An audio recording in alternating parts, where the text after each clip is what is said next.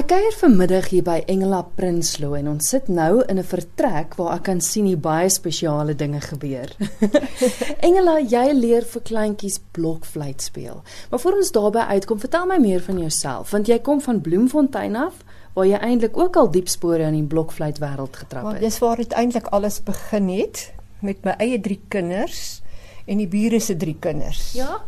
En baie gou het hulle vir my gesê hulle wil nie net 'n tamboerijn slaan nie, hulle wil 'n melodie speel. En toe het ek die eksperiment gemaak met die blokfluit en agtergekom dit werk. Hulle was 4 en 5 jaar oud en hulle kon dit doen. Hoekom blokfluit? Want ek weet baie maal sê mense as jy 'n kind wil blootstel aan musiek, dan is dit half soort van waar mens moet begin. Is ek reg? Dit is reg. Ehm um, wyle oom Dirkie de Villiers van Vrystaat Jeug koor farm het my aan die blokfluit bekend gestel met ses dogtertjies wat daar opgespeel het en dit was dadelik vir my 'n baie mooi klank en 'n mooi instrument. En toe sien ek maar dis 'n instrument wat kindertjies kan hanteer. Dis klein genoeg, dit hanteer maklik genoeg. Dis goedkoop of relatief goedkoop genoeg. Dit vervoer maklik. En aanvanklik is dit baie maklik, maar as jy verder gaan is dit 'n ander storie. Ons gaan nou 'n bietjie kyk. Ek sien jy het so 'n hele tasie vol verskillende blokfluitte. Jou agtergrond het het jy musiek studeer of onderwys studeer of hoe hoe dit Ek het onderwys studeer met musiek as een van my vakke. Daardie tyd was dit skoolmusiek. Uh -huh. So ons het geleer hoe om 'n skoolorkes te doen en koor af te rig ensovoorts. En in daai proses het ek toe met die blokfluit kennis gemaak. Ek vir myself 'n blokfluit gekoop en begin leer. En daarna het ek so 5 kursusse bygewoon. En dis dit nou jou kinders en die bure se kinders, kinders en, en toe, die Luries. Dit was die naam wat julle in Bloemfontein ook nee, bekend was. Dit was die Rooibek Vinkies. Goed. Maar toe verhuis julle van Bloemfontein. Wat gebeur toe met die Rooibek Vinkies? Die Rooibek Vinkies het ek 3 maande agtergebly om Kobie Koldit, 'n vriendin van my wat ook 'n mamma was, op te lei hoe ek werk en sy het dit toe oorgeneem by my en hulle funksioneer nou as die Vinkies. Maar hulle is nog steeds vandag daar. Hulle is nog steeds vandag daar en hulle is eintlik baie meer as ons. en toe jy in Pretoria land, toe begin julle die loeries. Toe begin ons met die loeries. En hoeveel kinders het jy vandag? Ehm um, die seniors is 9 op hierdie stadium en dan is daar twee volwassenes wat saam speel. Sintige Klasen met haar viool mm -hmm. en Lindy Brink wat ook 'n onderwyseressie is. Sy gee eintlik klavier maar blokfluit is haar tweede liefde. En dan die kleintjies, hoe oud? Die kleintjies is op hierdie stadium uh 15 van hulle en hulle uh, wissel van die ouderdomme 5 tot so 8 9. 5 Ja, 5. Kom ons kyk gou na die blokfluitte. Luisteraars, ek is seker hulle is wel bekend. Dis nou die een instrument wat almal ken, 'n blokfluit, want ek dink as jy op skool is ook een van die algemeenste instrumente dink ek wat gespeel word. Ja. Wat maak 'n blokfluit 'n blokfluit? Dit is so die blokfluit het hierdie deeltjie wat hierin gelas is wat mens nou nie mooi op hierdie fluit sien nie, maar op die houtfluit is hier so 'n blok hierin by die mondstuk. By die mondstuk. Dis waar die naam vandaan kom. Oh. Maar wat baie mense in ons land nie weet nie. Hulle maak kennis met die sopraan blokfluit en speel so 2-3 jaar daarop en dan is dit klaar dan dink hulle nou bære ek hierdie kinderinstrument. Wat hulle nie weet nie is jy kan jou BMS graad met blokfluit doen. En dan word dit nogal moeilik.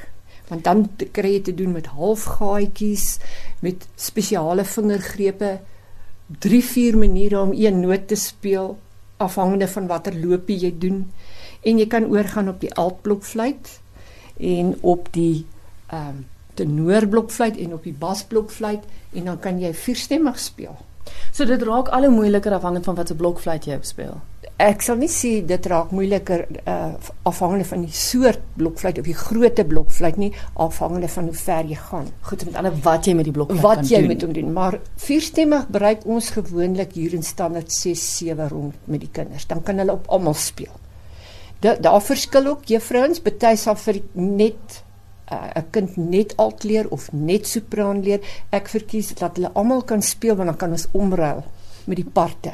Dan hoef jy nou nie altyd die baspart te speel. Jy kan ook soms die melodielyn speel.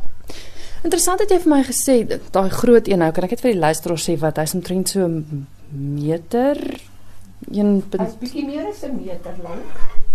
Mens kry wel 'n hoe 'n uh, groter een as hierdie, die uh, En hy's omtrent 2 meter, maar ons kan hom nie bekostig nie. Want dis op die ou ende van die blokfluit af kan jy dan oor gaan kontrabas toe. Jy gaan gaan dikwels oor op fagot of klarinet of hobo. Uh baie kinders gaan oor op 'n houtblaasinstrument van die orkes en ander gaan oor op 'n stryker omdat ons baie keer die strykers intrek want hulle klank pas goed aan by die blokfluit. Hulle maak lekker saam musiek. Ek wil gou eers na die verskillende klanke luister. Die die een wat nou hier lê, dis die sopraan blokfluit waarop ons begin, né? Dit waarop ons begin. Kan jy gou vir ons 'n bietjie 'n speel? Koue blokfluit is natuurlik nou nie so lekker nie. Wat beteken dit? As die blokfluit koud is, is sy klank nie mooi nie en hy word gou nat binne. So hoe kry jy hom warm? Jy maak hom in jou hande warm sodat hy net liggaamstemperatuur kry. O, Engela is nou letterlik besig om die fluit bo by die mondstuk en bietjie net warm te maak. Ja, want dis soos 'n koue glas. As jy op hom blaas dan word dit mos so nat. Ja, ja, ja. Dit gebeur hier binne en dan kan dit naderhand nie 'n klank uitkry nie. Want van wat is dit gemaak? Hierdie is bakeliet of 'n tipe plastiek. Die houtblokfluite gebruik ons nie baie vir kinders nie omdat dit in ons land swel van die hitte en krimp van die koue en dan is die intonasie altyd bietjie van 'n probleem. En houtblokfluite is baie duurder en dan moet geolie word, hulle moet baie mooi opgepas word. Hier het nou 'n hele wêreld vir my oopgegaan.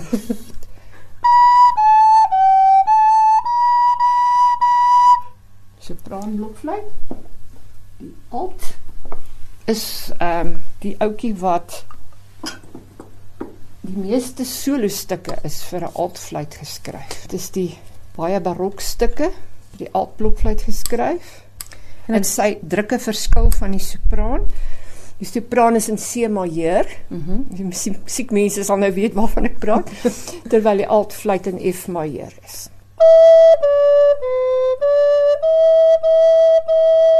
So jy het maar 'n ander klank. mense die verskil. En dan die tenor werk presies soos die sopraan, dieselfde drukke. Hy's ook in C majeur.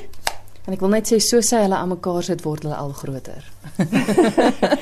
En uh, hy begin op middel C van die klavier, terwyl die sopraan blokfluit speel eintlik 'n oktaaf hoër as wat hy geskryf is.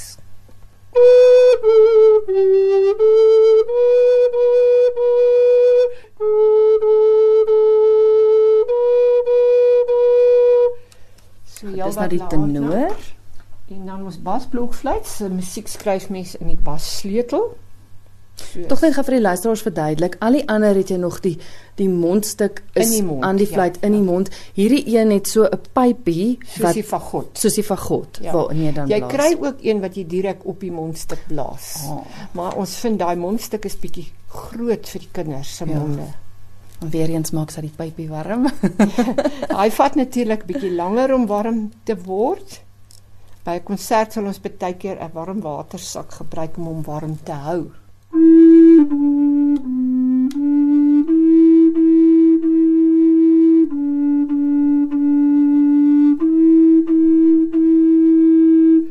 Dis mooi. En hy het natuurlik nou kleppe soos die ander blasers, die klarinet en die hobo en die fagot, want die gate is te ver uitmekaar om met jou vingers by te kom. En dan is daar twee grapmakertjies. Die kleintjie, hierdie ehm um, sopranino is soos die piccolo van die orkesinstrumente en jy sal nie glo nie, maar hy kan uitsing bo 'n hele simfonieorkes. Daar's konsertos vir hom geskryf deur Vivaldi. En hierdie een instrumentjie sing bo 'n hele simfonieorkes uit. Ja, en hy seker so 30 cm lank.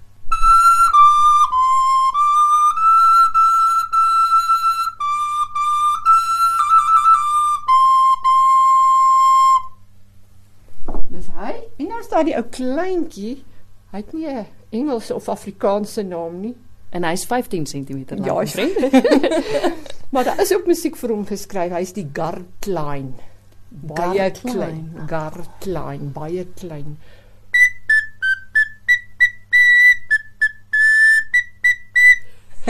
Ek dink dit is die een waarop ek moet begin. Dit is ongelooflik interessant. Nou, die rede hoekom ek en jy gesels is omdat jy nou die 14de Mei gaan jy by die Brooklyn Theater optree. Julle as Loeries. Hoe dit gebeur?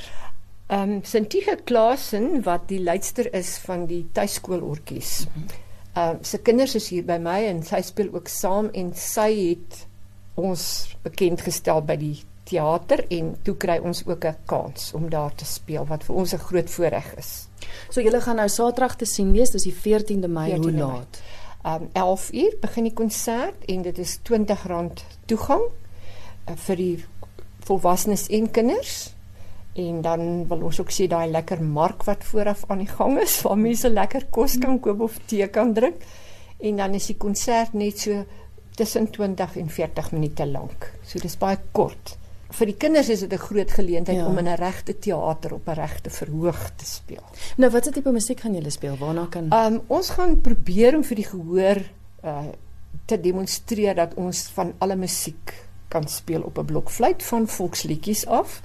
Uh klassieke musiek. Ons gaan ietsie uit 'n opera speel en uh ons gaan 'n verwerking speel en ons gaan Conquest of Paradise speel wat heel modern is en afsluit met 'n Kerslied.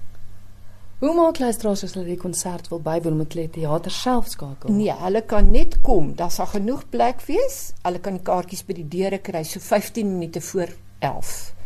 Kan hulle die kaartjies by die deure koop. En Engela as mense met jou in verbinding sou wou tree, hoe maak hulle? Hulle kan my skakel by 012 34 88 940. En ons sal bly wees as oud loeries kontak maak want ons sal die Kerslied op 'n plakkaat hê as hulle wil saam speel. ja, want ek weet julle self hier in Pretoria bestaan al hoeveel jaar lank? Ons is nou 25 jaar aan die gang. So van die ouppies wat hier as 5-jariges begin het, is nou al pappas en mammas. nou oud loeries, daar hoor jy hulle, julle kan kom saam speel. Engela baie dankie vir die kuier. Baie dankie vir jou, Christel.